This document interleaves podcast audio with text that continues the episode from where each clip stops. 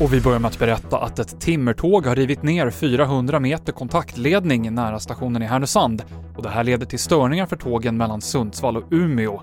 Prognosen är att det kommer dröja till kvällen innan de här problemen är fixade.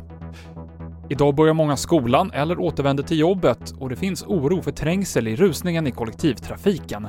Som resenär behöver man själv ta ansvar, säger Helena Lövstadius på branschorganisationen Svensk Kollektivtrafik. Det kommer alltid vara någonstans, någon gång, för mycket trängsel. Och det är därför vi har försökt ja, förmedla budskapet hela tiden att man själv måste vara den som avgör. Att är det för trångt för mig, gå av, kanske ta nästa tur. Så mm. man måste vara ute och planera sin resa mycket tidigare. Och i Uppsala så uppmanas alla studenter på universitet och gymnasiet att testa sig för covid-19 om de känner sig förkylda. Regionens smittskyddsläkare säger att risken för smittspridning ökar vid terminstarten och att man därför ska vara uppmärksam på symptom. Man vill också att de som kan ska ta cykeln istället för bussen till skolan. TV4-nyheterna med Mikael Klintevall.